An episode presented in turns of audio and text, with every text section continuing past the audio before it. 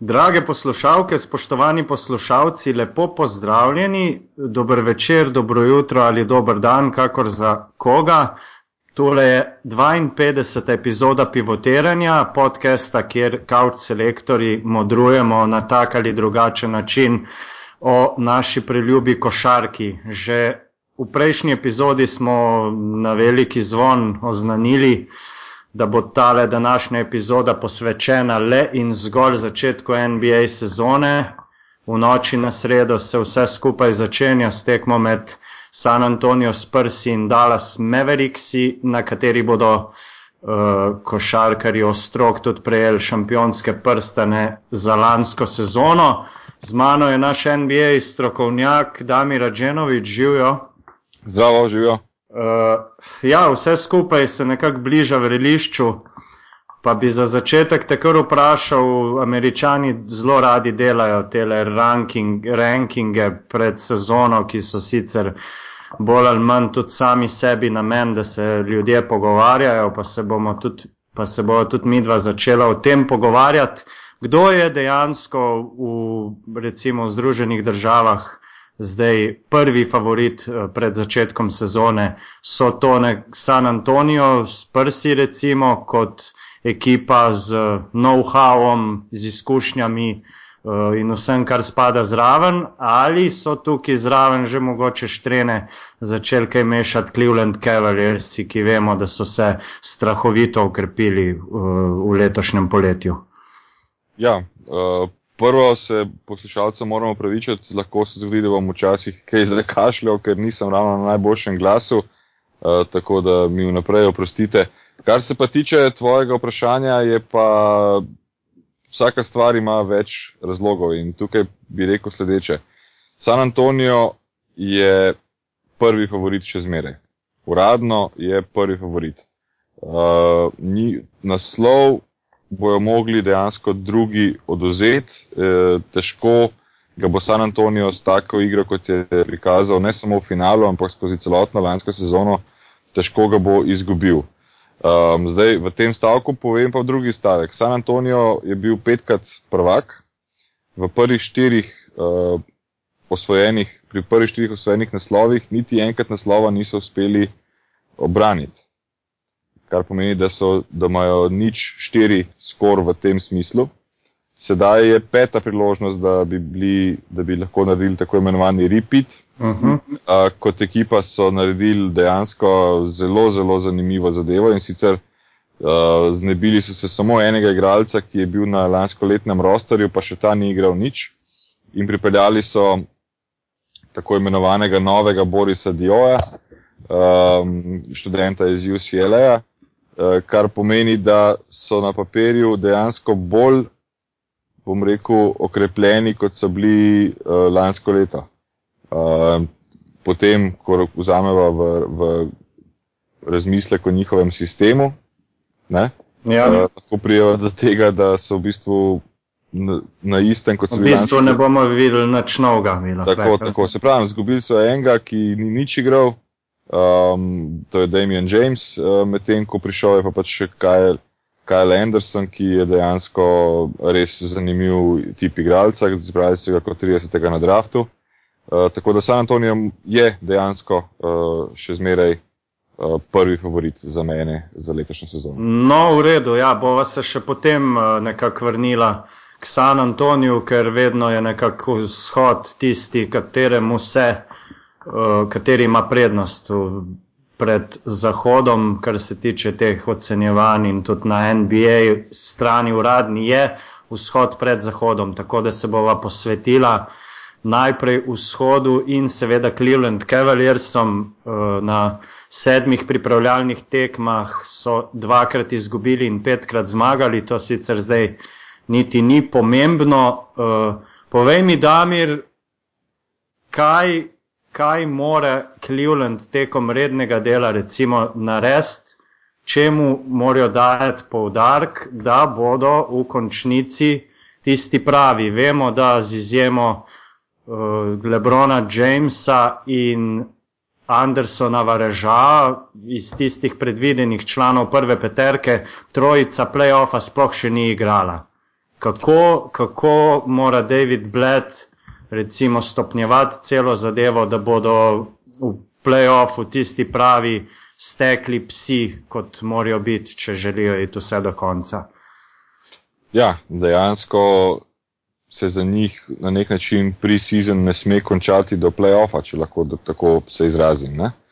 Uh, pre-season je namenjen dejansko pripravam, uigravanju, uh, potem krepljenju kemije med igralci, spoznavanju in učnemu procesu. In ta učni proces dejansko ne sme zdaj zastati, ker, ker se dejansko začenja redni del sezone morajo ga nekako v glavi, po mojem oceni, vzeti kot pre-season, ki se nadaljuje tja do približno 15. aprila 2015.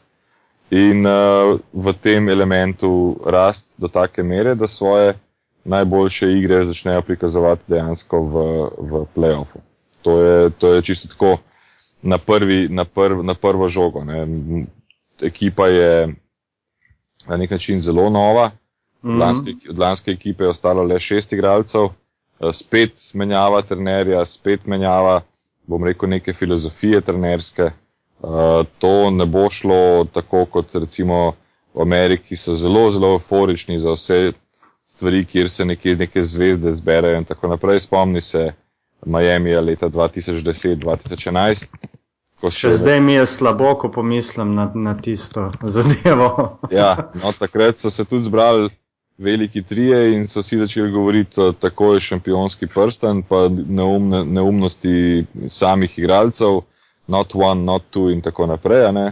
Se dobro spomnimo, kako so napovedovali večkratne uh, ja. prstane. In prvo leto, enostavno v Ameriki je tako, da resnično v NBA so igralci, ki znajo igrati in ti ne moreš ničesar tako hitro napovedati. Najhitreje, kar je možno, je potrebno najti skupno kemijo. Ja, mislim, tako, da, tako. da tokrat uh, LeBron James ni, ni, ni ponovil te napake. Ne? Jaz nisem zasledil nobenega ne, ne. Uh, napovedovanja, niti enega prsta, na kaj šele sedem. Ne, ne. Dejansko uh, tudi mislim, da se je nekje sam izrazil tako in to je resnica. Um, on, v Miami je on šel na koleč. Uh mhm. -huh. Se pravi, uh, on je dejansko tam odrastel, se mi zdi. Ne? Ja. In je to bila glavna stvar. Uh, in sedaj, ko je odrastel, se več ne, ne upa, po moje, kar napovedovati, napovedovati zadev tja v tri dni. Ne? Ja, uh, kakšno bo pa recimo, kakšno vlogo pa ti pričakuješ njegovo v ekipi? Vemo, v Miamiju je nekako iz tistega nespornega liderja skladu Dwayna Wadea, ki je bil prej alfa in omega te franšize in sta tako Wade uh, kot Bosch nekako in v tej goli statistiki in v sami igri hočeš nočeš nazadovala. Ne? Uh, kako ti vidiš tukaj njegovo vlogo? Tukaj ima še več uh, talentiranih uh, košarkarjev okrog sebe. Vemo, da Vemo, da nikdar njegov stil nekako ni odgovarjal nekemu dominantnemu pleju, kot je Kyrie Irving. Uh, tudi Kevin Love bo moral priti do svojih žog, tudi Dion Waiters, kako bo to funkcioniralo vse skupaj. No, če, če pogledam, glede na predsezono, pač uh, sem si ogledal vse njihove tekme, moram reči, da je on več kot pripravljen se pod narekovajem umakniti. Um, ni, ni mu, on, je, on je svoje dokazal, on je dejansko uh, fizič, uh, najboljši igralec v bistvu NBA in on ne potrebuje več dosegati 35 točk. On potrebuje ekipo zdaj, ki bo zmagovala in uh, potrebuje to tako imenovano domačo ekipo, da prije do prstanov in on je bolj sposoben, ker je košarkarsko njegov IQ na zelo visokem nivoju, je bolj sposoben se prilagoditi ekipi na tak način, da bo upeljal, če lahko tako rečem, Kevina Lava in, in Kyrija Irvinga in Diona Waitersa, da jih bo upeljal, da bodo oni lahko dejansko skupaj dvignili ekipo. Torej od njega jaz letos ne pričakujem nekih norih statističnih podatkov v smislu 30 točk poče, ampak pričakujem uh mhm. -huh. pa od njega nekih, na pamet govorim, 20 točk, ampak obveznih 8 skokov in obveznih 8 asistenc. In dobro igro v obrambi. Ne? Seveda, sam je sicer rekel, da je to Kajrijev, um, uh, Kajrijeva ekipa, ne? ampak uh, dejstvo pa je, da, da, da ne bo Kajrijeva ekipa. To je moje mnenje. Jaz mislim, da bo to Lebronova ekipa in da se bodo ostali morali enostavno učiti od njega. Je pa še ena druga stvar in tu je težava Clevelanda, po drugi strani je pa tukaj najboljša kemija. Uh, Cleveland ima v bistvu dokaj povprečno centrsko linijo, ne? v kateri je Anderson varežal, res dober igralec in tudi pred zadnjo svojo poškodbo je bil na all-star nivoju, kjer je imel popreče preko 10 točk in preko 10 skokov na tekmo. Uh, ampak uh, dejansko vprašanje je, kako zdrav bo on. Dejstvo pa je, da imate LeBron, James in Anderson verežal dejansko Playoff izkušnje. Ne samo playoff izkušnje, ampak imate ja. odlično kemijo med seboj. In zdaj se boste, po moje, po moje kot jaz pač spremljam to uh, pri njih, poskušate s to kemijo v bistvu nalest samo ekipo. Ne vem, če si zasledil, tudi Kevin Love je pred tremi dnevi v enem intervjuju, ko je dejansko povedal, da, da, da bi da rabi nekako žogo v teh in onih pozicijah in so ga potem citirali že, že pač patetično, joj, je že nezadovoljen. Ja, ja.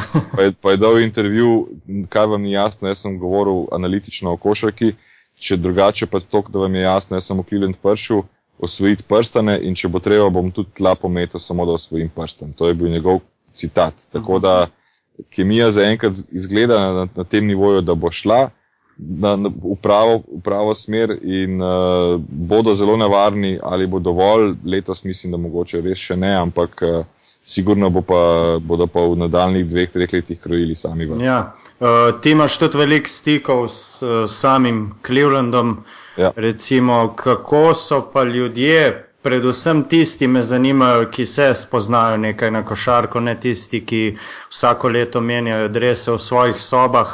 Eh, kako so oni recimo sprejeli ta povratek Lebrona Jamesa, ima spet tisto popolno podporo, ki jo je imel v tisti prvi epizodi in jo potem popolnoma izgubil s tisto selitvijo na Florido. Um, ima, ima, preprosto zato, ker je, ker je Cleveland kot mesto sestradano, kar se tiče osvojitve uh, naslovov v, v katerem koli ameriškem profesionalnem uh mhm. športu in uh, ljudje so pripravljeni odpustiti.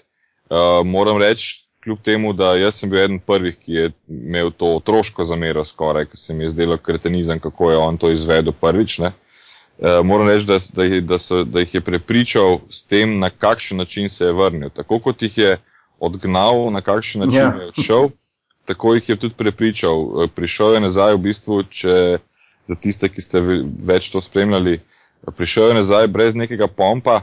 Enemu novinarju iz Sports Illustrated je dal, da je napisal uh, pač en članek, ki je bil dolg vse skupaj um, 3-4 odstavke, uh, s katerimi je citiral, kar je LeBron James povedal in uh, nekako iz vseh teh zadev se je dalo razbrati, da je ta nesrečna epizoda za njim in da v bistvu bi moral tudi on bolje narediti stvari.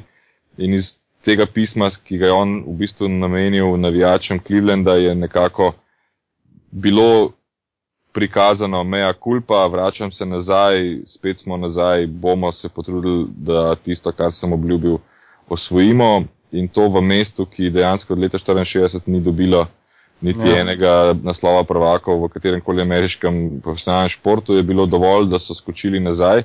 Je pa res, da, da, da, da tokrat so pa rekli v tem smislu, oproščamo, ampak ta naslov boš pa mogel zritati tako ali drugače, kot veš in znaš. Tokrat boš pa moral svojo obljubo držati in uh, mogoče to vprašanje bo spet pomembno čez pet let, če Cleveland ne bo v teh petih letih osvojil nobenega naslova, pa da me boš ti vprašal, kako gledajo na Lebrona ja. Jamesa. Bo spet neko zaupanje izgubil. Ne? Potem bo, mislim, da tudi izpadel iz vseh teorij o najboljšem igralcu vseh časov ali enemu izmed najboljših, ker če mu ne bo uspelo, mislim, da pa ne samo en ali enega naslova osvojiti.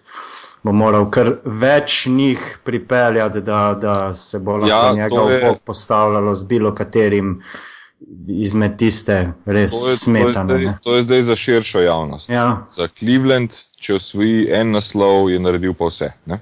Ja, to je pa tudi res, ja, seveda. Ampak tudi potem verjetno se.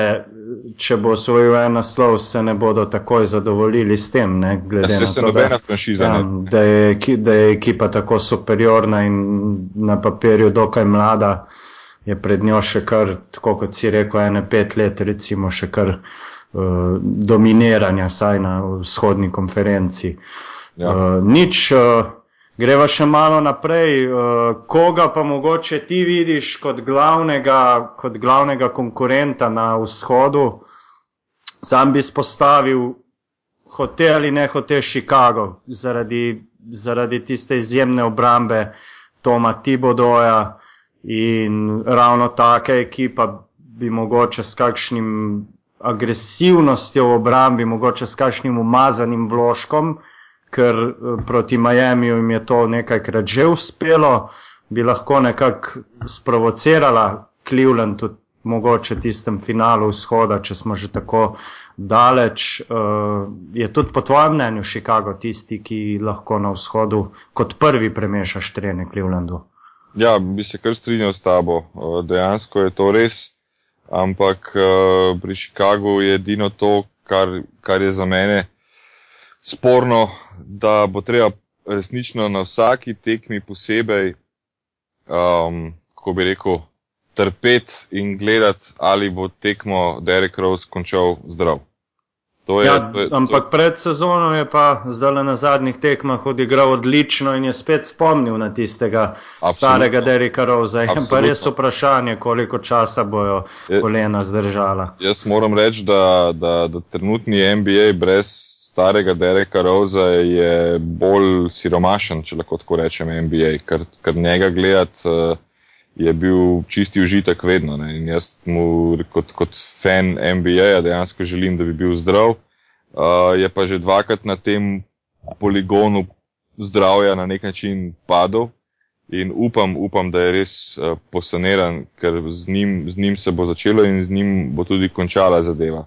Um, prihod Poja Gasola, uh, ki bo pač v, v tandemu z Joakim Noajem, bo izredno zanimiv iz tega vidika, da sta ona dva, oba dva med centri in krilnimi centri, ena najboljših podajalcev. Ne? Ja.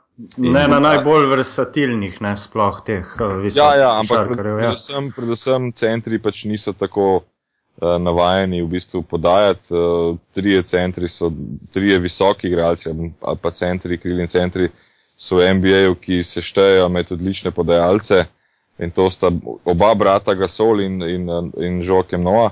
Uh, Kevina Garneta še ne smeš odpisati, čeprav je v zatonu svoje kariere. Mislim, da ima on izmed vseh košarkarjev uh, višjih, oziroma izmed vseh seven footerjev največ podaj na tekmo poprečje. Mislim, da, da se nisem zmotil, ampak ja, za intermeco, kar nadaljuj. Ja, jaz sem zdaj to govoril samo za to sezono, ki ja, ja. kjer bom pa ravno tako zadovoljen, če bo tudi Kevin Garnett po vsaki tekmi ostal živ in cel, ne? ker že lansko leto, že lansko leto nažalost ni bilo tako. Ne? Ja, ja. Uh, ker, ampak vseeno človek igra 20, mislim, da 20 sezono, uh mhm. -huh. tako da halo, to je treba samo pozdraviti in tudi on bo šel na koncu koncev med nesmrtne. Ne? Uh, ampak, uh, ja, to sem to povedal zanimiva bo ta igra pod košem, ki bo po moji oceni ena najboljših uh, pri Chicagu v NBA-ju nasploh. In tisti, ki bo znal to rešiti, uh, bo dejansko lahko, lahko računal na uspeh proti Chicagu. Teh moštev bo pa zelo malo, ne? če sploh. Kdo tudi pri teh uh, igralcih, ki so prišli, so nekateri zelo zanimivi. Predvsem sem gledal parkrat Nikola Mirotiča, ki ga vsi poznamo iz Eurolige, iz Reala. Ja. Moram, reči, moram reči, da veliko bolje zgleda, pa že v Euroligi ni izgledal slabo, ampak veliko bolje zgleda v NBA-ju, kot pa zgleda v Euroligi. Tako da seveda so pa tu tudi druge težave, ki, ki jih bo vsak ruki oziroma novinec tudi imel. Ne, te, te, tem težavam se po domače povedano reče um, ruki wall, kar je zid novincev, kjer, kjer dejansko večina teh najboljših nekako dobro začne, in, ampak potem ta ritem treningov, stalnih uh, poti, stalnih poletov, stalnih menjav dvoran, tekmovanja in tako naprej, marsikoga potem čez 2-3 mesece malo prizemlji in tudi, tudi Mirotič, po mojem, ne bo imun na to. Bi pa še samo to omenil, da so na draftu izbrali tudi enega igralca, ki ga bom jaz z veseljem spremljal in to je Doug McDermott, ki v današnji zelo, zelo obrambni košarki, ki se igra v NCA, se pravi v študentski ligi v, NBA, v, v Ameriki, uh, je uspel prijeti do tega, da je peti najboljši strelec vseh časov v NCA. In ta človek je dejansko prišel v NBA kot najboljši igralec leta 2014 in ga bo zanimivo spremljati. Ja, uh, meni je tudi to, ta centrska linija kar precej zanimiva. Sicer Pavga Sol je tudi že nekako v letih, uh, pa Žokim Noa nikdar ni blestev v nekih napadalnih akcijah, neke napadalne tehnike ravno nima na nekem visokem nivoju, ampak za današnji NBA je to zadost, ker je Big Menov. Odličen ja, obrambni igralec. Ja, odličen obrambni igralec, skakalec eh, in podajalec in hustle player, nenormalen. Ne? ampak nekako pogrešam tiste centre, ki so, ki so znali nekaj tudi ja. žogo narediti z niča, ne, recimo, ki jih pa danes ni in mislim, da bi en tak center naredil kar, kar orang štalo v NBA-ju, ker bi ga težko kdorkoli sploh iz trenutne garde ustavil. Za tiste, ki NBA spremljajo že dlje časa, um, NBA se je v konec 80-ih, začetek 90-ih ko, so, ko je bilo centrum, ki so znali igrati centra dejansko s tehniko, eh, dovolj se je spremenil v ligo organizatorjev igre, se pravi Point Guard League zdaj. Trenutno je NBA Point Guard League. Ja. Nekoč, In nič ne kaže, da bi se to spremenilo v bližnji prihodnosti. Ne? Seveda, zato ker dejansko je fizika, fizika košarke dejansko tako napredovala, se pravi, atleticizem se išče, in ta atleticizem dejansko potem zaradi njega trpijo, nažalost, to je nažalost mogoče nas, ki smo malo starejši. Tehnika, ja. Tako in fundamentalne zadeve. Ne. Ti imaš recimo enega igralca, kot je DeAndre Jordan, ki, je, ki igra centra. Bolan atlet in vse, ampak in, in to, to je nenormalno. To je ena stvar, druga stvar, izvaja proste mete 42 odstotno. Halo? 42 odstotno izvaja, če pogledamo stare centre, Ewing, Olajuwon, Robinson, uh, Zemo Šeka. Dorti, Šeka, jaz niti več ne štejem tok med stare, jaz govorim prav za to gardo, ki so vsak napad jim je bila žoga porinjena na low post in potem so šli gor. Te fante so vsi izvajali proste mete minimum 70%. Ne? Uh, danes je pa nekdo plačan z, z, z nenormalnim denarjem, da izvaja 42% uh, proste mete, s tem, da spomni se še takrat, ko je šek slabo izvajal, pa ko je bil heka šek zaradi ja. tega ustanovljen, pa v bistvu se mu je liga na račun samo tega, se mu je liga smejala. Dan se pa več ne smijo nobenemu, zato ker prej smo rekli, da je Andrej Jordan. Ja. Imamo pa v Detroitu Andreja Dramonda, ki isto lahko uh, iz vrha table pobere, če kdo kaj pozabo na vrhu table, izvaja pa 29% proste metene. To je katastrofa. In, uh, ampak to je ta liga, v, v, v, v, v kaj se spremenja. Dejansko point guardi Chris Paul, Derrick Rose, Westbrook, uh, Rondo, Kyrie Irving ja. in še in še Goran Dragič v končni fazi, seveda. Uh, oni so lideri, generali, centri so v bistvu pomožna delovna sila postali. Ne? In to je, to je ta težava, uh, zakaj ni dobrih centrov in tudi zakaj trenerji, ko dobijo mladega centra v roke, dejansko ne delajo na tem, da bi on postal številka ena v moštvu, ker številka ena v moštvu je že ali, ali point guard ali pa mogoče ja, eh, dvojka ali trojka. Ja. Uh, lahko pa kar nadaljujeva zdaj pri ekipi, ki pa ima enega takega centra, ki zna nekoliko več od ostalih in je mislim, da v tej tehnično fundamentalni po tej tehnično fundamentalni strani, kar najboljši v NBA-ju, Brooklyn z Brookom Lopezom, sicer ga nekoliko mučijo poškodbe, tako kot ostale člane Brooklyna, predvsem Derona Williamsa. Uh, kje vidiš Brooklyn, recimo? Mislim, da je tudi tukaj v bistvu vse pogojeno z zdravjem, prvenstveno teh dveh uh, ključnih igralcev, se pravi Williamsa in uh, Lopeza. Ja, dejansko, Williams in Lopez, koliko boste zdrava, toliko bo uspešen Brooklyn. Um, je Brooklyn eno tistih moštov, ki je na vsaki poziciji zelo, zelo uh, solidno popolnjeno, uh, ker v končni fazi ne, ne pozabimo Kevina Garneta, ki bo znal kljub vsemu svoje izkušnje unovčiti. Dobra stvar za Brooklyn je, da je, da je Mason Plumley uh, odigral svetovno prvenstvo v Španiji in da je dejansko uh, pridobil nekaj na samozavesti in tudi neko vlogo večjo bo imel letos in bo lahko uh, zelo veliko razbremenjeval ja, Bruka Lopeza, kar je to. To se je tudi že na pripravljalnih tekmah videlo, ne? Seveda, samo je pa že na pripravljalnih tekmah spet Bruk Lopez imel neke težave, ne? tako da joj in joj. Ne? Uh, mogoče bo Brooklyn tudi nam vsem bolj zanimiv v tem smislu, da bomo gledali Mirza Teletoviča in Bojana Bogdanoviča, ker ja. so to le fantje iz teh bivših prostorov. Pa, če... pa še da omenem še enega centra, ki bo sicer verjetno upravljal vlogo tretjega centra, eh, Jeroma Jordana, ki je pred leti pol sezone tako. igral v novem mestu. Ja. Tako, tako. Uh, mogoče tudi Sergej Karašov, če se ga kdo spomne, mlad, mlad igralec iz Rusije. Ki... In njegov rojak Kirilenko. tako, tako da bodo, bodo zanimivi za gledati, uh, po drugi strani pa spet zdravje in pa v, v, kako se bodo ujeli. Ne? ne pozabimo pa, da lansko leto in tudi letos mislim, da bo kar enako, ko bo šlo vse k vragu v zadnje žoge, bodo šle v roke Joe Johnsonu, ki je še zmeraj eden najboljših krilnih igralcev v NBA in on bo tisti, ki bo odločal tekme. Tako da so popolnjeni dobro, so nevarni.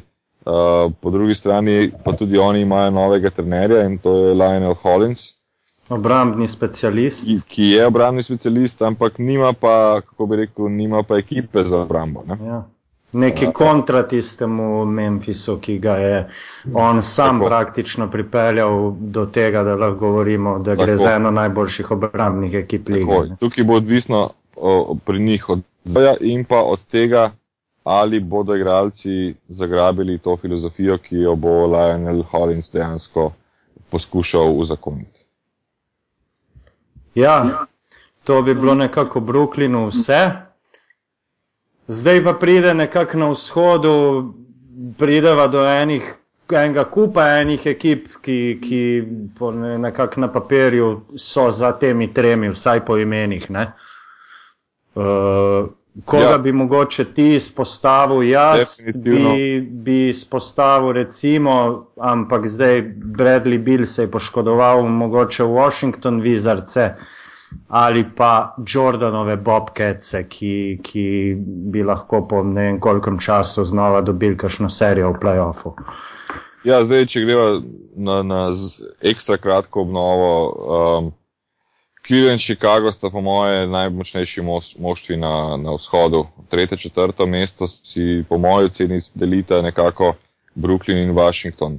Uh, to peto, šesto mesto je nekako za moje pojme Charlotte, uh, Toronto tudi, uh, potem sedmo, osmo je pa vedno odprto uh, za, za razne razna moštva, ki v mestu tudi presenetijo. Spomniva se lansko leto, sicer na zahodu, pa vendar Gorana Dragiča in Phoenix, ki so mm -hmm. napovedovali nič, vse skupaj pa so bili do zadnjega v igri za playoff. Ne? Tako da jaz sem bolj fokusiran na teh 5-6 moštov, za katere sem skoraj prepričan, da pač jim playoff ne more. Uiti, ne, ne pozabimo tudi v končni fazi Miami Heat, za katerega mislim, ja. da so tudi uvrstil v playoff, ker ga LeBron James ni pustil v tako katastrofalnem stanju, kot je dejansko pustil Cleveland, ko je odšel v Miami. Um, tako da to so te ekipe, ki jim sledijo.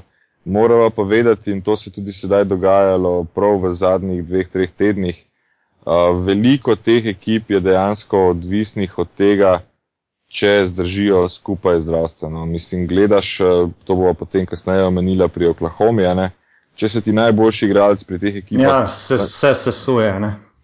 ki so planirane recimo za, za peto do osmo mesto v playoffu, če se jim tam najboljši igralec uh, poškoduje, glavni primer ti je Indiana na vzhodu, ki z Polom Georgeom dejansko Uh, je bila playoff ekipa, brez njega pa pač smatram, da ni playoff ekipa. Pa ne samo playoff ekipa, playoff ekipa z prvega sida na vzhodu, recimo. Ne? Ja, dobro, to je bilo predtem, se je ja. Cleveland pa Chicago v bistvu ukrepil na ta način, kot se je. Ne?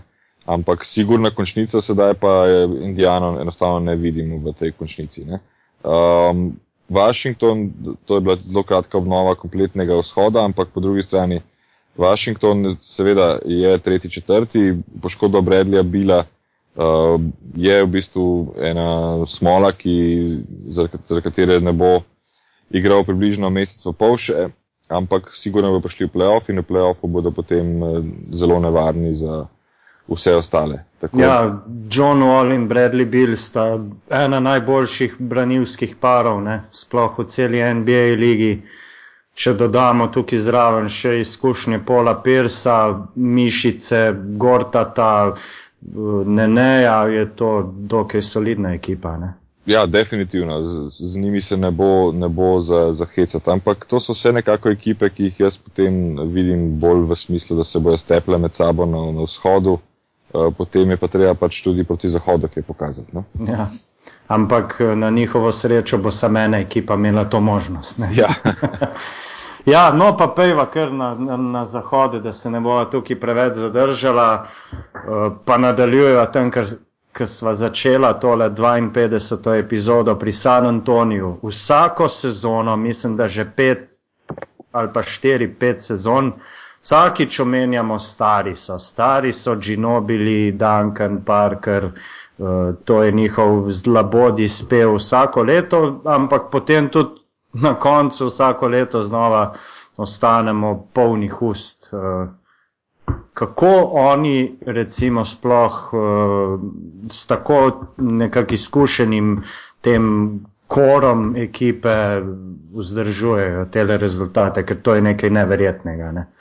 Ja, definitivno je, gre tu za mentalni sklop mentalni sklop. Eh, in tako, kot si rekel, da, da vsako leto govorimo, da so prestari, tukaj bom dejansko uh, rekel, govorite ali pa še bolje govorijo. Um, jaz sem mogoče vseeno predstavnik te stare garde, ki se ne preda kar tako, ko pridejo mladi junci, pa te hočejo dol z igrišča vreč, recimo, če smem tako po, po, ja. po, po balinsko povedati. Oni se ne pustijo, imajo mentalni sklop, Um, ena zanimiva stvar, ki je Greg Popovič uh, povedal, in to je meni v bistvu pove vse o, o, o teh fantih, ki so stari, pa še zmeraj igrajo na tem nivoju. Uh, oni, oni imajo v ekipi igralce, za katere uprava, vodstvo, trenerski štab ocenjuje, uh, da, da se ne ukvarjajo več sami sabo. Ne, da, da ni več gledanja v to, uh, jaz bi rabo še dva avta, pa zakaj imaš pa ti tako plačo, pa jaz dam več točk na tekmo, pa take neumnosti, ki so žal rak rana teh mladih, bogatih igralcev, v, ne samo v NBA, ampak v vseh ameriških profesionalnih ligah. Oni so s tem, kar so dosegli in kar, kar je bilo, je bilo v bistvu zadovoljni in igrajo v bistvu zdaj pa skoraj še, kakorkoli se to v NBA neumno sliši, ker je NBA posel, ja, za, dušo, za, za dušo z veseljem. In, in eh, nobeno ni pomembno, kdaj sedi, kdaj ne sedi, a je dal on ta zadnji koš, ali ga je dal soigralc. In take ljudi tudi oni, v bistvu San Antonijo, na koncu koncev je skozi leta sistematičnega dela na nek način uh, rekrutiral oziroma skautiral. Ne? In uh, zato so lahko uspešni, ker niti, ena, niti eden v ekipi ni razmišljal samo izključno o sebi in kako in kaj. Ne? to bo, padlo bo, bo prišlo na test že sedaj.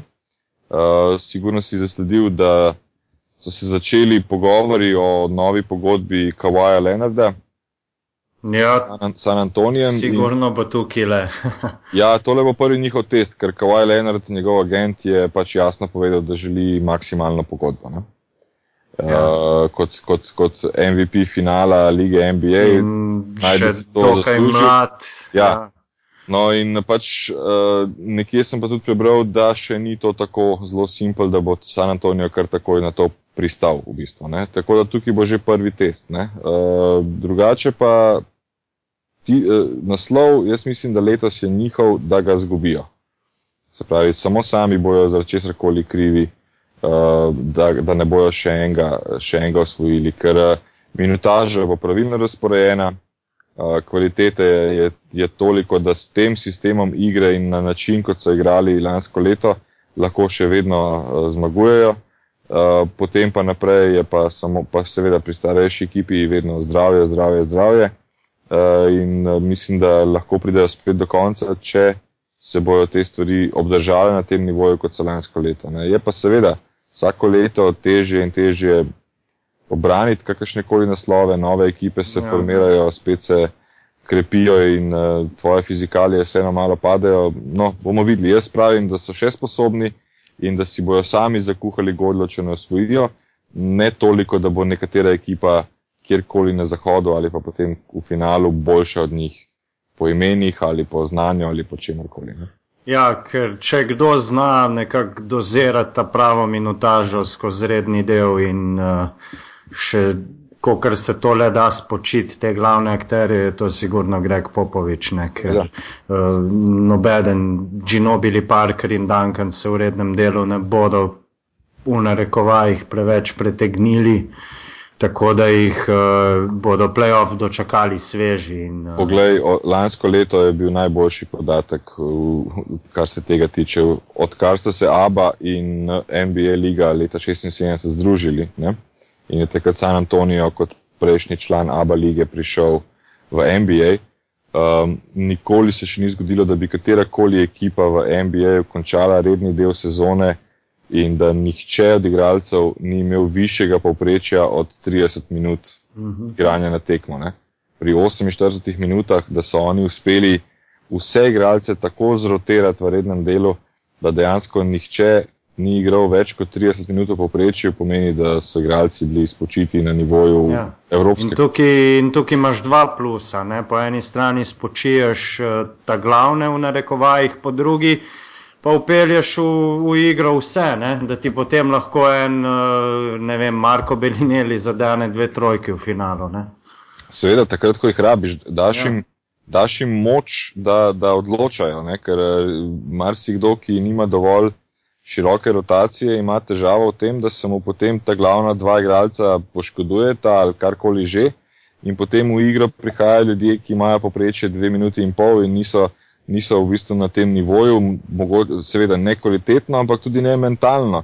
Če ti igraš večino časa šest minut na, na tekmo ali pa pet ali pa osem, potem si v prisiljen zaradi poškodbe igralca igrati 25 minut je tukaj zelo vprašljivo, kako boš odreagiral na, na, na bom rekel, na, v playoffu. Se, se čist niti ni pomembno, če igraš eh, v rednem delu, zamenjaš nekoga, ki je poškodovan, a boš takrat dosegel svoje ali ne. Ni tako v playoffu, ko se pač igra za velike zadeve, a ne, takrat mora nekdo biti pripravljen. In Popovič je tukaj res mahar, da lahko vsakmu igralcu pokaže, da če si ti šele 13 igralcev ekipe od 15, kot jih je pač lahko na rosterju, mm. da lahko še zmeraj si tako pomemben člen, da te bomo v toku sezone tako dobro upeljevali, da če se kje zgodi v playoffu, lej, je na tebi uh, vrsta, da boš ti dal vse, vse od sebe in dejansko boš takrat nekaj naredil. Ja, točno tako.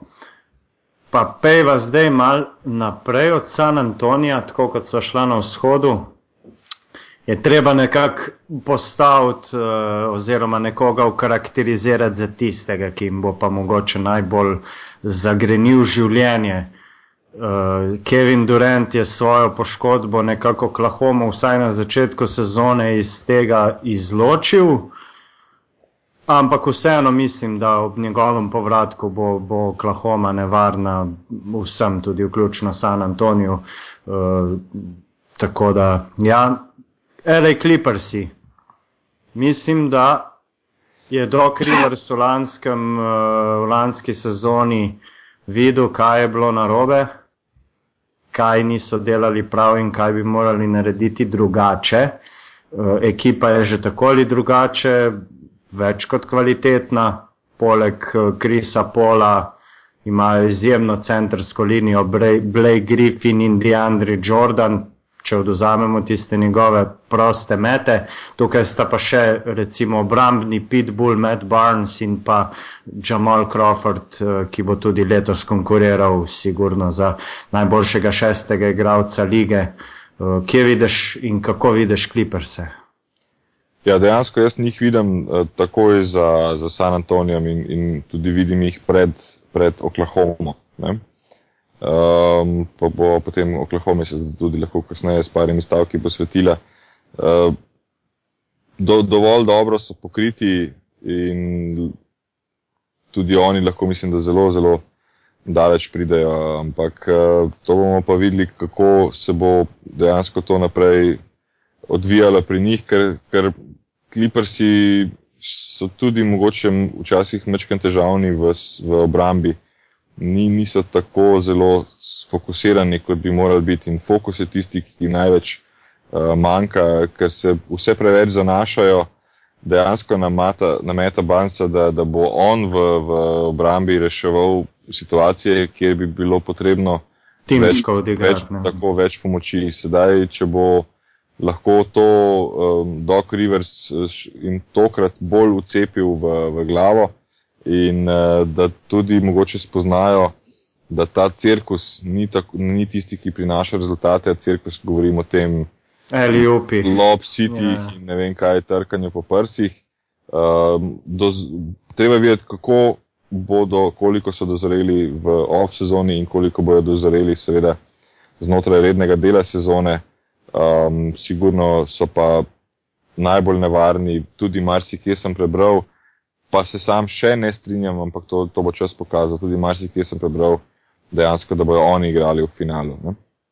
Ja, mislim, da si nobena ekipa ne želi priti v egal tekmo uh, v seriji playoffa, recimo, kjer bi jim nasproti stali kliprsi.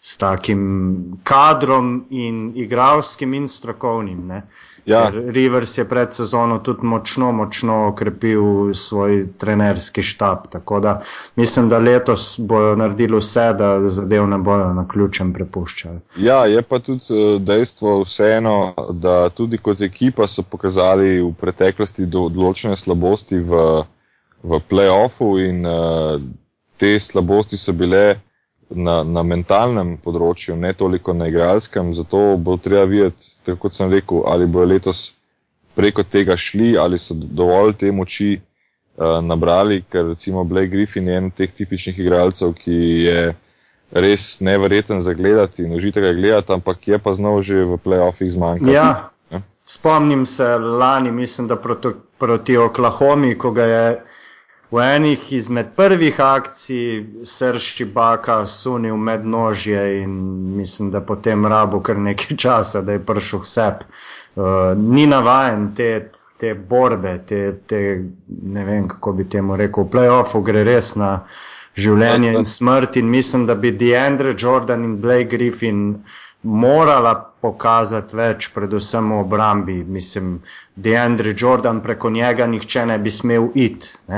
Ja, rečeno, to, to je dejstvo. Ne. Samo pač bomo videli, če so, če so kaj mesa jedli med, med uh, tem to pauzo. Rdečega, ja.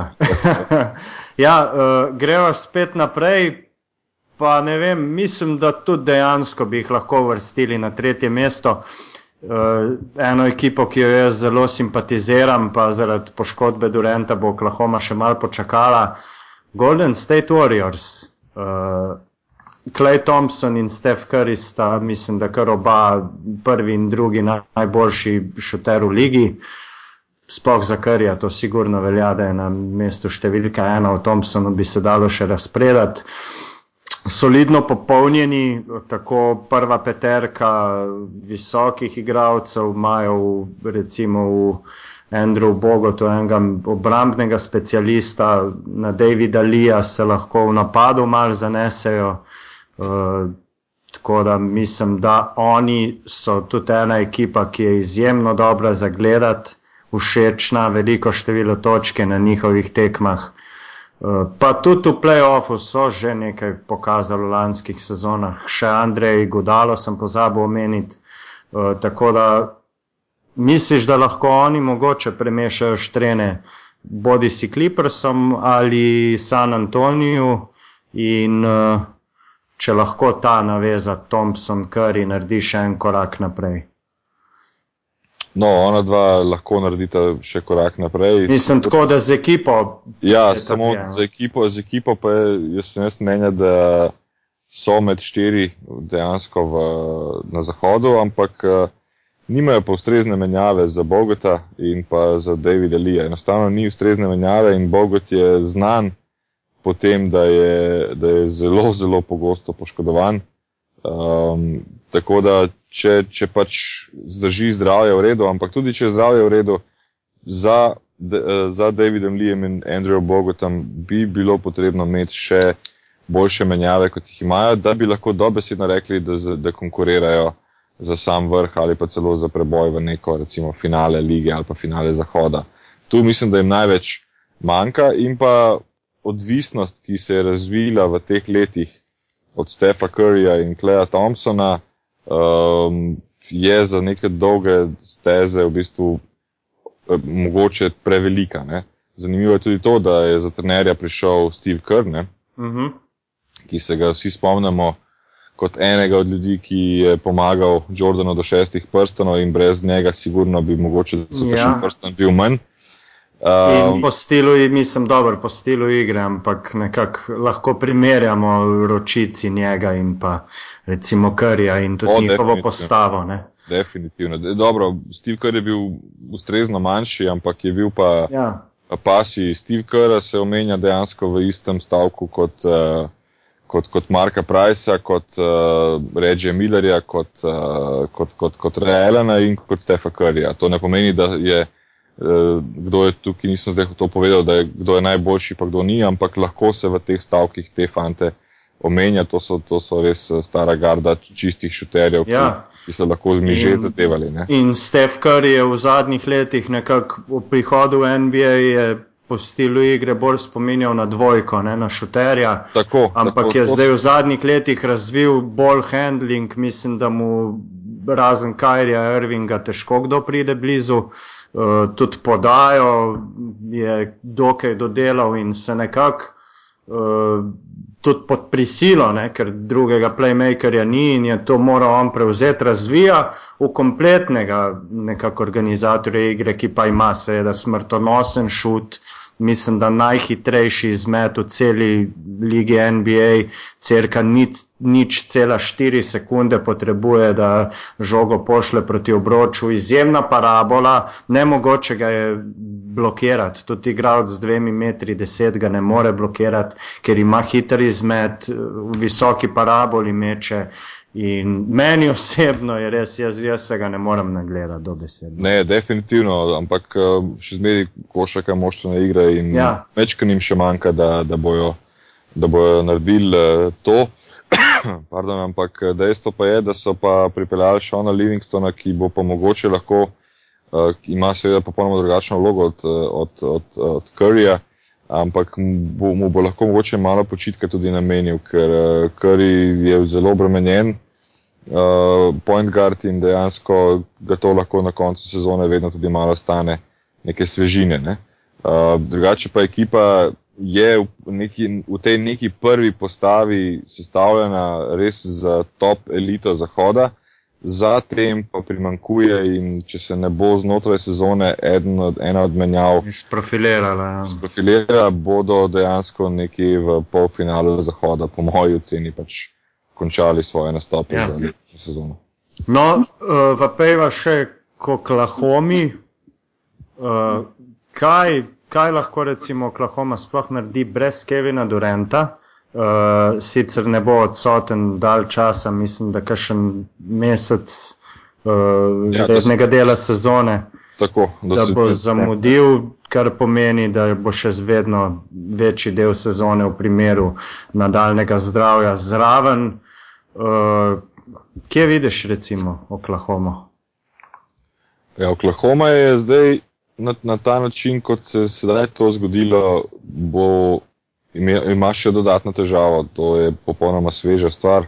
Anthony Morov, ki je bil pripeljan v, v off sezoni, uh, in tudi nominalno pripeljan bil zaradi svojega odličnega meta za tri točke, se je tudi poškodoval in tudi njega ne bo približno 4 do 6 tednov, um, kar pomeni, da najboljši metalec za tri točke in pa najboljši v bistvu igralec bosta manjkala mesec dni najmanj. Mm. V tem primeru bo Russell Westbrook uh, zmetal 35 jok na tekmo. ne, ne na tekmo, na polčas. Ja, na polčas. Ja. Uh, to, to je to. Bo pa to ena druga zanimiva zadeva in sicer Scott Brooks, ki je njihov, sedaj pa že lahko rečem, dolgoletni trener. Um, pri njemu niti ameriška javnost, pa tudi jaz sam, pač, ko kar spremljam zadevo, nisem dobil občutka, da je elitni trener, tako kot je imel elitne ekipe. Ne? In uh, sedaj, ko ne bo Durenta in tudi Morova pač en mesec, bo popolnoma razgaljen in bo moral pokazati, kako vodi ekipo, ki nima, ki nima -hmm. zvest. Ostala mu bosta dejansko Westbrook Ibaka in, in Ibaka. Ja. Ampak Ibaka je svojo kariero ni naredil na, na, na ta način, da bo, da bo vsako tekmo dajal 25 točk, čeprav je sposoben. Eh, če dobiva žogo, ampak je bil v sistemu obrambe eh, najboljši in tam se je sprofiliral. Sedaj, ko pa dejansko bo tudi on moral redno dobiti 15 žog na, na, na tekmo oziroma 15 metrov, bo pa zanimivo to spremljati. Prvo kot prvo ni navajen tega, ker je bil do sedaj eh, v najboljšem primeru tretja, tretja opcija, tretja ja. opcija napadalna. Drugo kot drugo pa vprašanje, kako se bo zdaj razvila kemija med Westbrookom in pa Ibako.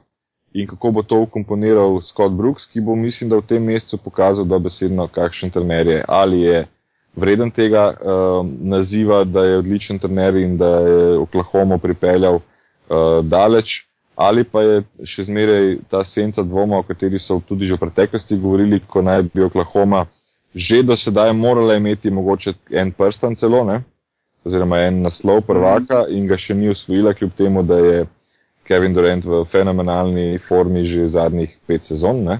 Um, ali to se skupaj deluje ali ne. Tukaj se bo mm. zdaj mečkano to pokazalo. Ne. Ja, za, mnoge, za mnoge je pa dokazal, da ne spada v elitno skupino trenerjev s tem, ko je mislim, da pred tednom ali dvema. Eh, zelo na glas in odkrito razlagal in analiziral in utemeljeval, kako in zakaj je Russell Westbrook najboljši playmaker v ligi NBA.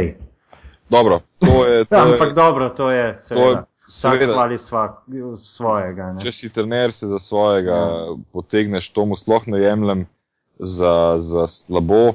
Kvečem bi mu za slabo vzel, če bi on omenil, da je nekdo boljši od Rasla Westbrooka, ja, ker potem ker bi, bi mu s tem zbil moralo. Ne, ne, ja, bi enostavno mu dal vedeti, ti nisi najboljši in pač meni si dodeljen in zdaj pač mora to nekako preživeti. Ne.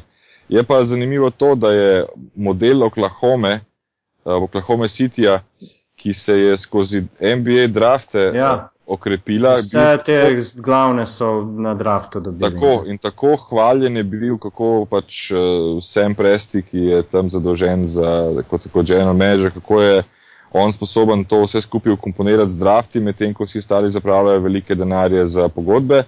Uh, smo pa videli, da se lahko pa z dvemi temi potezami v končni fazi sesujejo zadeve v prah. Ne. Hardna prodajo, ja. uh, potem pa Kevin Durant se poškoduje, predtem je bil že Russell Westbrook poškodovan, se spomniš uh mhm. -huh. dobro. Ne.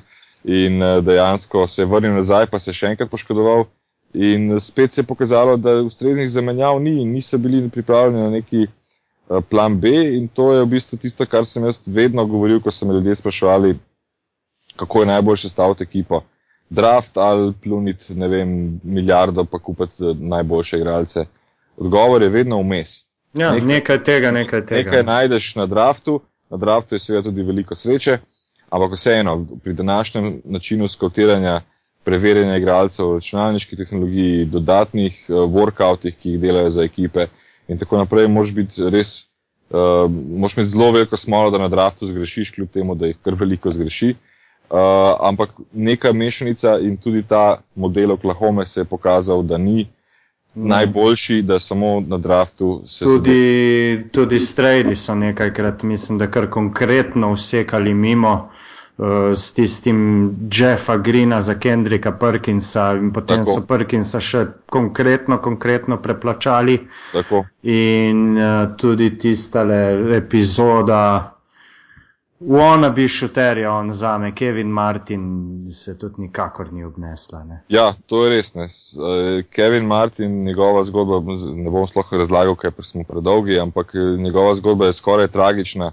To je možakar, ki je sposoben še zmeraj vsako tekmo da 30 točk, ampak niti v eni ekipi mu niso dali ustrezne vloge. Ali so ga dali v slabe ekipe, kjer je nabijal statistiko, pa V ni Sakramentu, recimo. tako. Ma, se, sedaj je isto v Minnesoti, ampak recimo, da letos ima Minnesota veliko bolj perspektivna ekipa, pa mogoče se bo tudi Zaradi tega, ker so kar nekaj materijala dobili iz Clevelanda. Ne? Tako je. Uh, Ampak, ja. To, to Kevin Martin bi recimo današnji Oklahoma City še kako prav prišel. Ne? Ja. Nič, eh, greva še en korak nižje na, na zahodu, pa bo kar dve ekipi izpostavila, ki sta po mojem tam, tam. Sicer bi jaz dal malenkost prednosti Portlandu, zraven bi pa dal še Houston Rockets. Portland predvsem zaradi tega, ker imajo v kadru enega najboljših playmakerjev lige, v Damienu Lillardu, in pa mislim, da kar najboljšo štirico lige v Lamarkusu Aldridgeu. Pomagajo predvsem Nikola Batum, je tukaj le prvi, ki, ki nekako skuša se vklopiti zraven, in pa Wesley Matthews. Uh, lahko Lillard in Aldridge naredita, tako kot sem prej vprašal, za Golden State uh, korak naprej in mogoče prideta celo v konferenčni finale ali pa kaj podobnega. Uh, glede na to, da se niso nekako preveč spreminjali kot ekipa, uh, mislim, da, da je domet približno tako, kot je bil lansko leto. ne. Um, pre, tudi pri njih prva postava igrajo skupaj, navajeni, lahko naredijo vse, ampak uh, spomni se, lansko leto so bili eni najbolj obremenjenih prvih postav v celotnem NBA-ju, kar se tiče minutaže. Uh, pripeljali so pa v tej off-sezoni Steva Blakea in, uh, in Krisa Kejmana, Ja, sta, ki sta oba dva spet, bom rekel, stara, izkušena, ampak sigurno ne dovolj atletska, da bi lahko ta ekipa se mečkano osvežila. Po drugi strani so izgubili Moa Williamsa, ki je bil njihov v bistvu šesti človek. Ne? In pa, ja, in pa tistega, ki je lani zafrknil tisto obrambo, pa mi ga ne, me boš moral ti spomniti. Kjer ga misliš? Mislim, da so še nekoga zgubili, uh, krilo, krilo, belo Watson- krilo. Earl Watsona misliš? Ne, belo krilo. Uh, kaj je že bil? Mislim, da je šel v Minnesoto, ne, ne vem, ne bom se spomnil. Ne, Mo Williams je šel drugače v Minnesota, ampak eh, ja, na tistem eh, metu, ko je bilo. Ja. No, ampak eh, to sem zdaj čist zamešal, dobro, ti kar to, nadaljuj. je bilo, to ni bilo to. Houston da- sem, ja, ja. Houston je zafrknil. Ja. Ja, tako je. Parsons je zafrknil na metu Lila. Tako, tako. Ja. Um, no, hodil sem to povedati, enostavno bojo oni imeli tudi to težavo, da od zadnji nimajo uh, ljudi uh, in preveč so obremenjeni, so pa odlični in dejansko bodo mešali štrene, potem bo pa sistem, koliko, koliko z, v bistvu zdržijo. Ne? Mm, Um, kak, z, v playoff s kakšnim rezervarjem vstopijo, koliko je benzina noti in koliko imajo zdravja, tako bo določena njihova sezona. Dejansko pa uh, in, in, in, in, in uh, Damien Lillard sta fenomenalen, fenomenalna naveza in bojo lahko prišli daleč, samo menjave pa še ni in je niso nekako niti zagotovili do te mere, da bi lahko bolj spočiti prišli v, v, v playoff. Ok, pojdimo v Teksas, uh, k še eni ekipi Houston Rockets. Uh, Dwight Howard nekako v zadnjih letih ni, ni izpolnil tistega, kar se je pričakovalo od njega, da bo postal res en dominanten uh, big man v ligi, ki bo tudi v napadu nekaj znal odigrati, ne da bo samo skakal do vrha table. Tu pa je še James Harden, ki je sicer eden najboljših branilcev v ligi, kar se napada tiče, se pa v obrambi tedensko smeši in se znajde v razno raznih Shacking of Full epizodah. Uh, do kam Houston, sicer so nekaj, nekaj so se ukrepili med, med poletjem, ko sta s Papa Nikolao je prišel tudi izkušen Jason Terry, uh, Joey Dorsey recimo iz, uh, iz Barcelone. Je pa, recimo, sem pa pozabil men Trevorja Rizo, ki je odličen obrambni igralec, verjetno ja. kar najboljši v tej ekipi, poleg Petrika Beverlyja. Dokam Houston in kako mogoče malo dlje kot prej? Ja, letos bi celo bila možnost za to, ampak spet bo odvisno od, od tega nenamernega, ampak vseeno boja, o, kdo je alfa dog v tej ekipi, ali je to Howard ali je to Harden. Uh, dejansko obramno so se okrepili, če pogledamo samo sistem Patrick Beverly na enki, eh, Trevor Riza na trojki in Dwight Howard na petki, potem bi ta. Nek... Tudi Papa Nikolao bi znal solidno odigrati. Ne? Ja, zdaj tukaj jaz sem še zmeri skeptičen glede, glede evropejcev, ampak ne na ta ameriški način, ne? ampak na ta način, da kaj mu bodo dali za počet. Nekateri ameriški trenerji uh, so v bistvu uh, sami krivi za podnarekovajem propad evropskih košarkarjev.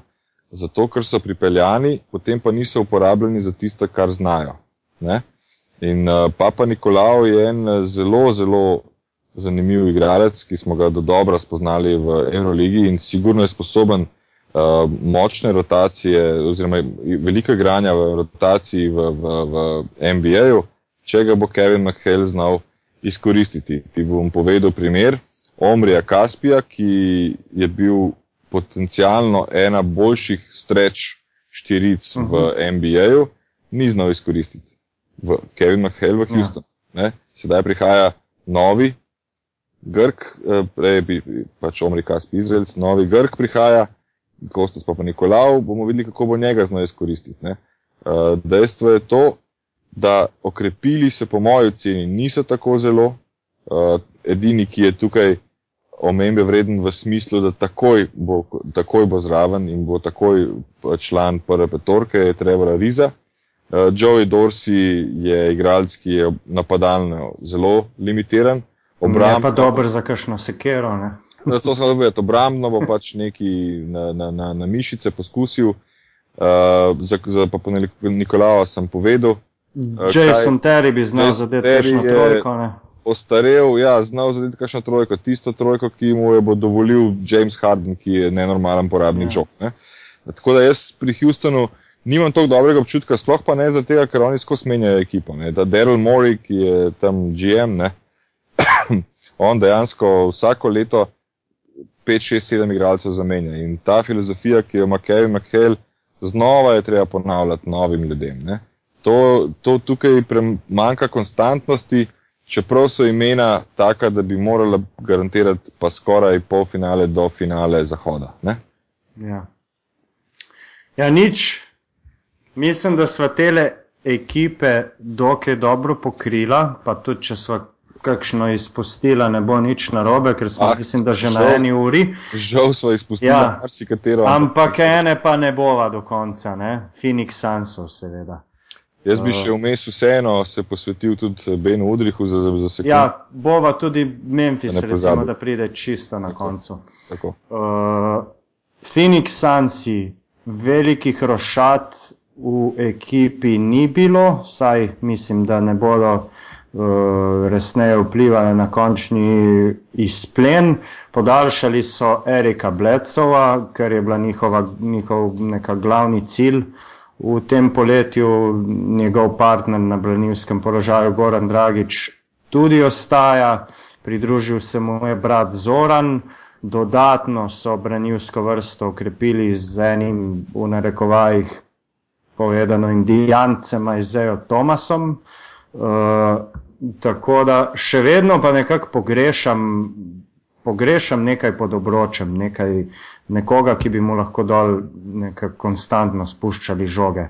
Uh, vseeno bi pa si upal napovedati, da bo Phoenix letos mogoče še bližje, čeprav bi se v bistvu skoraj da če, če damo v obzir to, da je ekipa napredovala, vsak igralec posebej, poznajo se bolj, skoraj morali priti v končnico. Ja, jaz kot navijač, eh, bratov Dragič, eh, nisem optimističen. Eh, če pa gledam iz distance, pa mislim, da jim bo leto spet zmanjkalo. Ne? In sicer res na nekem devetem mestu, da bojo od, od pač osem igre pa naprej iz zahoda ja. in osem iz vzhoda. Žal je ekipa sestavljena na tak način, da tudi pri, pri samem draftu ne, so pripeljali še Tylerja ja. Enisa, ki je res ena od bodočnosti NBA-ja, ampak tudi on igra na poziciji ena, mogoče dva, ampak bolj ena. In sedaj imaš ekipo, kjer imaš eh, štiri igralce sposobne igrati pozicijo ena in tudi ustrezno sposobne, se pravi, da lahko dobijo minutažo ne pet, ampak 30 minut. In tudi sami skoreri so, oziroma sami, sami taki, ja. ki, ki so sposobni sami zaključovati akcije. Potem si pa od tam naprej si pa na nek način zmrzno. Imaš še brata dvojčka Morris, ki igra. Geralda Greena, ki je imel lani najboljšo sezono v karieri, potem se pa konča. Gerald Green je imel najboljšo sezono v karieri, ampak ne, ne, ne slepimo se, Gerald Green je bil in ostaja Indijanec, če se lahko ja. tako izrazim. Ne? In, in srčno upam zaradi Gogija in Zokija, da bi imel lahko še eno super sezono.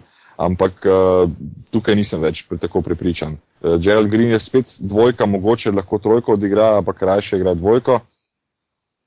Ja, nič, upravičujem se za tale izpad, tehnične težave imamo tudi mi, ne boste verjeli.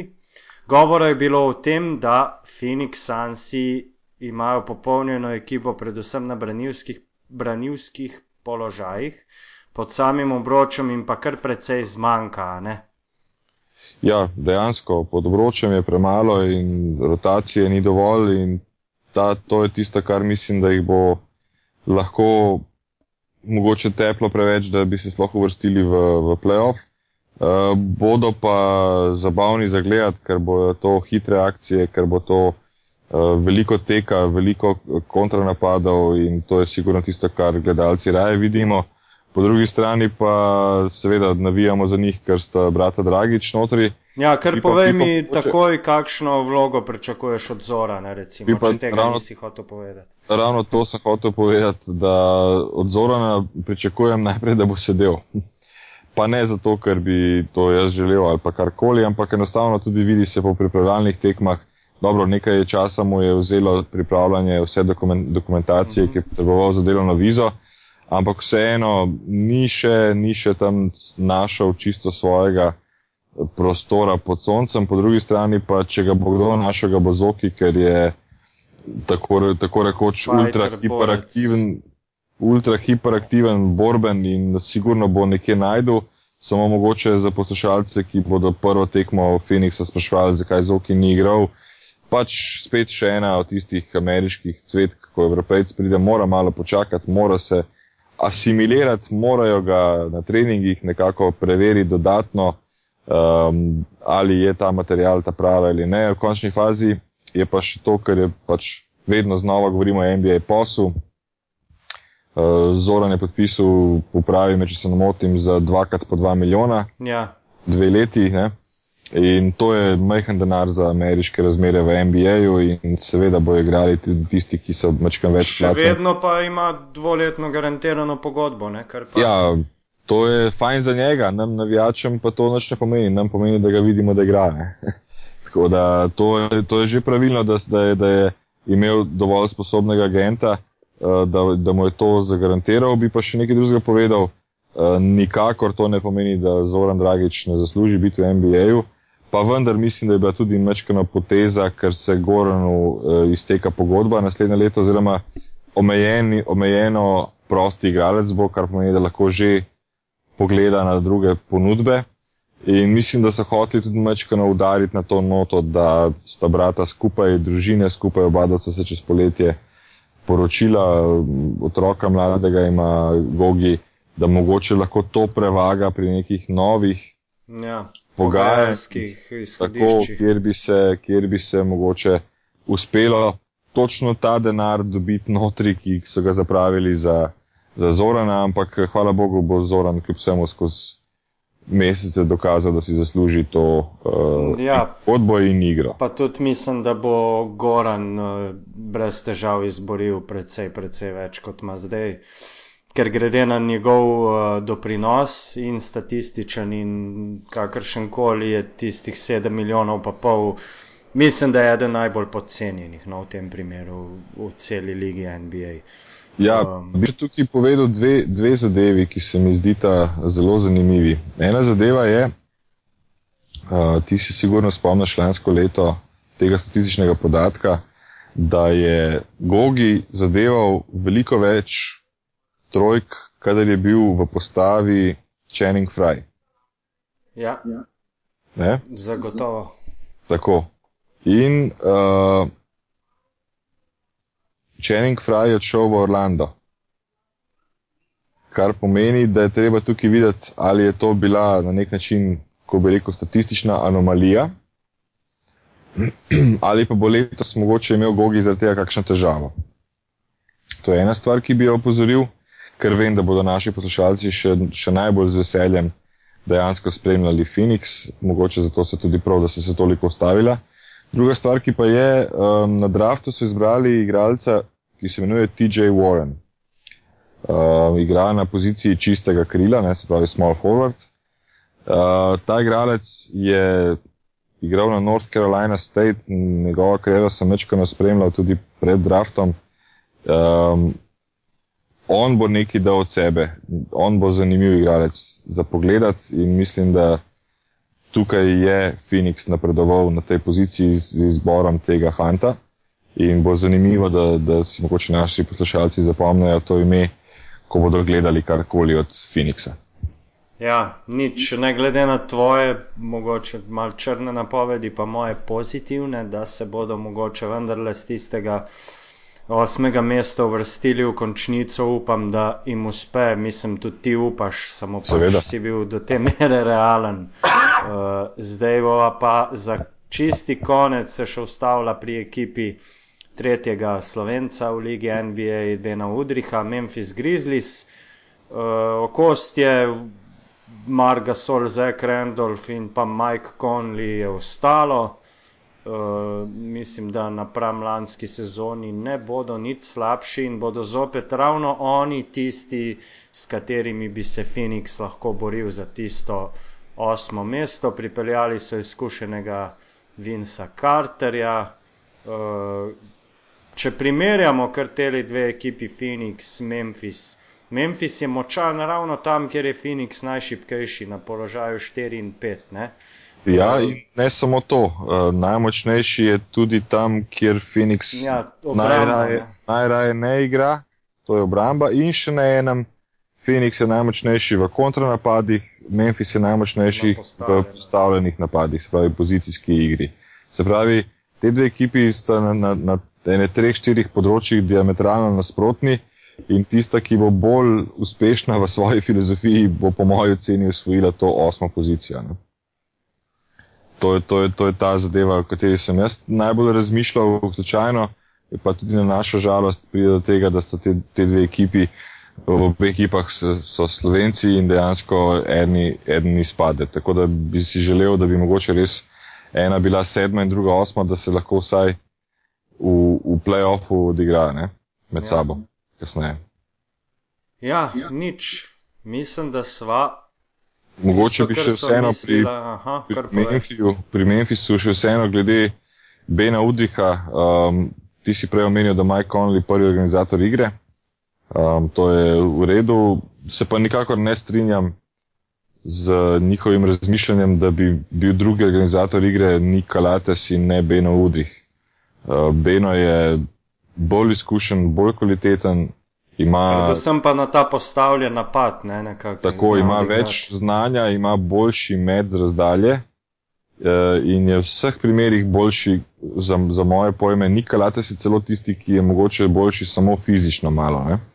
Um, lahko hitreje spravi žogo iz, iz uh, obrambe v napad, ampak vse ostalo je pa na strani uh, Bena, ki je tudi to pokazal, takrat, ko je bil suspendiran zaradi steroidov, uh, Kalates in ni igral in je Ben Udrih v playoffu uh, lansko leto se spomniš odigral zelo, zelo solidno, da ne rečem odlično. Um, ali, si za, ali si je s tem uspel priboriti to mesto rezervnega organizatorja igre, bomo še videli, ampak jaz srčno upam, da, da, da bo več igral, kot je dejansko igral lansko leto. Ne. Tako da tukaj držim pesti za drugačno usmeritev trenerja ekipe. Ja, Ej, nič, za sam konec, čeprav ga že omenjam nekaj časa, se bo pa mal poigrala, tako kot so se GM-i v ligi NBA, ki so napovedali vse, svašta vsega od tega, kdo bo najbolje mešal Gatorade, do tega, kdo bo NBA prvak. Uh, pa pejva kar takole, NBA prvak, po tvojem mnenju. O, jaz sovražim te zadeve, ampak razumem, da je treba tudi to narediti. Ja, Uh, NBA prvak San Antonijo. tudi moja malenkost meni San Antonijo, uh, pa pejmo še malo dlje najkoristnejši igralec uh, rednega dela. LeBron James. No, jaz bom ostal pri lanskem, to je Kevin Durant, kljub temu, da je poškodovan. Uh, pa pejva še mal dlje. Uh, najboljši košarkar izven Amerike. Najboljši košarkar izven Amerike.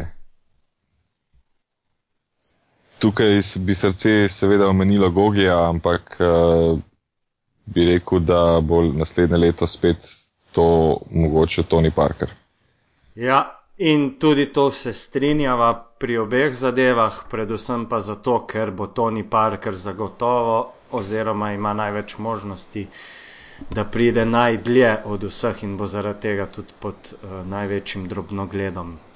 Ja, nič, uh, mislim, da sva vse obdelala, kar je bilo in kar ni bilo, tako da se zahvaljujem vsem, ki se boste prebili skozi tole zvočno ali tonsko klobaso, ki mislim, da traja krepko preko ene ure, ampak za uvod NBA sezone se nekaj takega tudi spodobi. Še nekaj administracije za konec. Naš podcast Pivotiranje je del mreže aparatusa, se pravi na spletni strani aparatus.si so dosegljive vse naše epizode, ki jih lahko poslušate tudi v iTunesih kjer bo vsaka ocena ali pa komentar dobrodošla. Izpostavil bi še to, da lahko mrežo aparatusa tudi finančno podprete, tisti, ki imate to možnost. Uh, ima pa pivotiranje tudi svoja profila na Twitterju in Facebooku. Mojo malenkost lahko najdete na Twitterju pod zbale z dvema L. Zdaj pa še ti povej, Damir, kje se tebe najlažje in najhitreje dobi. Ja, mene lahko dobite na, isto na Twitterju, uh, mrdee25 in pa tudi uh, na NBA SLO, kjer pa vabim tudi vse poslušalce, ki mogoče niso dobili vseh odgovorov na vprašanja, ker je enostavno NBA tako obsežna stvar, da tudi če so bila uro dolga, bi morala biti deset ur dolga, da bi čisto vsako moštvo in vsakega igralca, ki vas zanima, obdelala tam pa lahko vedno vprašate eh, in na mojem profilu, in na, na NBA SLO lahko vprašate, kar vam je volja glede NBA, in rade volje se bom potrudil in odgovoril po najboljših močeh. Točno tako. Nič. Uh, hvala vsem za poslušanje, pa uh, nasvidenje do prihodnič, ko bo v spredju bolj zopet ta evropska košarka na čelu z Aba ligo, Euroligo, Eurocupom in podobnimi zadevami. Lep pozdrav! Adijo!